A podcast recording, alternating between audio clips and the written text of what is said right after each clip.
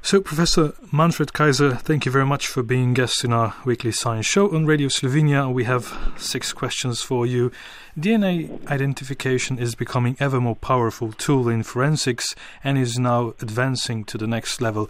Based on DNA analysis, is it already possible to determine eye, hair, and skin color of a suspect?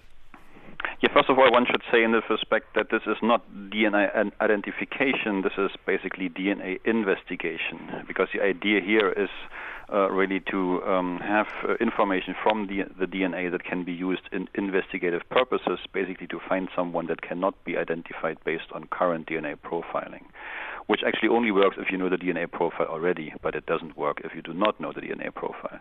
So, in that respect, forensic DNA phenotyping, and this is what this field is about, um, has advanced over the last couple of years, where indeed, as you say, at least eye and hair color prediction from DNA is already possible. Science has delivered the knowledge, people like us have developed the tools.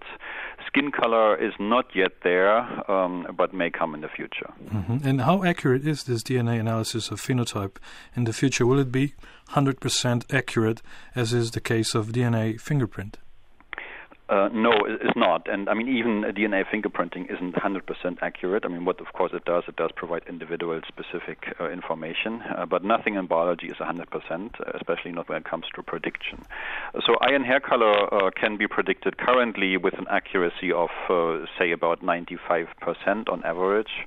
Um, uh, this is similar for some hair colors, like red, for instance, but lower for other hair colors, like like blonde or brown. The issue here really is that in contrast to the current use of DNA, where you do want a very high accuracy, as indeed you have with DNA fingerprinting, because this ends up in front of court. Um, DNA phenotyping is not uh, aimed to end up in front of court because it's used for investigation. And there, the accuracy values that are actually needed for the police to base an investigation on uh, can be lower uh, and can still be mm-hmm. very useful. If you ask a police officer, they would usually tell you everything that is more than 50% is great for us to in, uh, put an investigation on because usually this applies to cases where the police has no idea who the uh, mm-hmm. perpetrator may be. I understand, Professor Kayser. So, do you have any information on whether police forces around the world are already using the technology of phenotype analysis? Uh, it's a very young field, I should say. So the science uh, has developed over the last couple of years only. Um, uh, the tests are available uh, only uh, for the last year or so. There so far uh, is only one commercial test available. So it's really just in the progress of, of advancing at this moment. Um, uh, so there are some cases already I know of uh, where this technology is um, uh, used, but it's still in the starting phase. Mm-hmm. The other thing is that in some countries, uh, the the DNA legislation uh, doesn't allow those tools to be used. In other countries, uh, it is already the case that the DNA law has been changed. Mm-hmm. So there's lots of progress at this moment to allow this technology to be used in the future. Mm-hmm. And, and, some researchers believe that DNA analysis could also predict or determine shape of a human's face. Is this true, and or how far has science advanced to solve this uh, puzzle? Yeah, so it's certainly not true for now. Um, um, uh, so this is complete uh, uh, science fiction for now. Um, some groups are working on this. We are working on this, basically trying to find the genes that determine how the face looks. Uh, we have uh, first successes. We have found five genes recently um, that we know uh, are involved in how the human uh, face uh, is shaped. Um, but this is really the, the, the, the very first beginning. Um, the genes we find have relatively small effects, which is expected. So there's lots and lots of scientific work needed uh, in order to find out if eventually it will be feasible to do that. Mm-hmm. And with which traits and characteristics do you think will be possible to determine with DNA analysis in, in the future uh, beyond the face? Yeah, so, so um, uh, and hair color, as I said, is already possible. Skin color is certainly something where science has already quite advanced, uh, and that is coming uh, in in the near future. Uh, everything else is more for the distant future, where uh, things like hair morphology uh, is something people are working on. Um, that may come in the more distant future.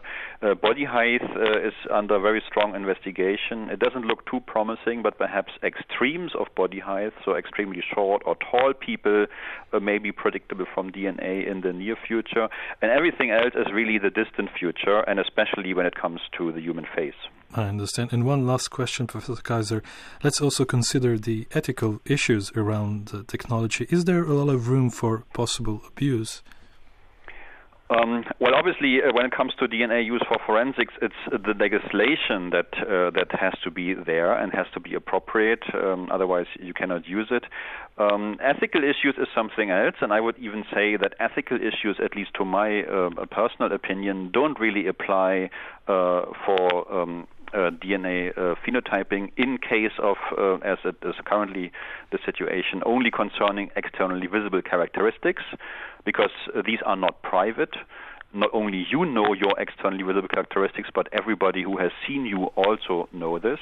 So there's typically argument of the right not to know uh, which is a very strong ethical argument that is uh, uh very important in medical uh, uh, oriented DNA diagnostics. This doesn't really apply because you know already your appearance traits, and even the police knows your appearance because they usually have a passport photograph and they have other information like height or eye color in some countries.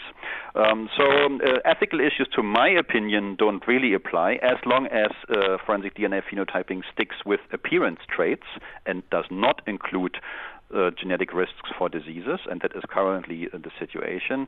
But of course, there is legal issues uh, because the DNA law in the country where you want to apply those tests have to allow the forensic uh, investigators to use those tests. But that is different from the ethical issue. Well, thank you very much, Professor Manfred Kayser. It was a pleasure talking to you, and I'm glad we had a chance to talk to you in the first place. Okay, thank you for listening.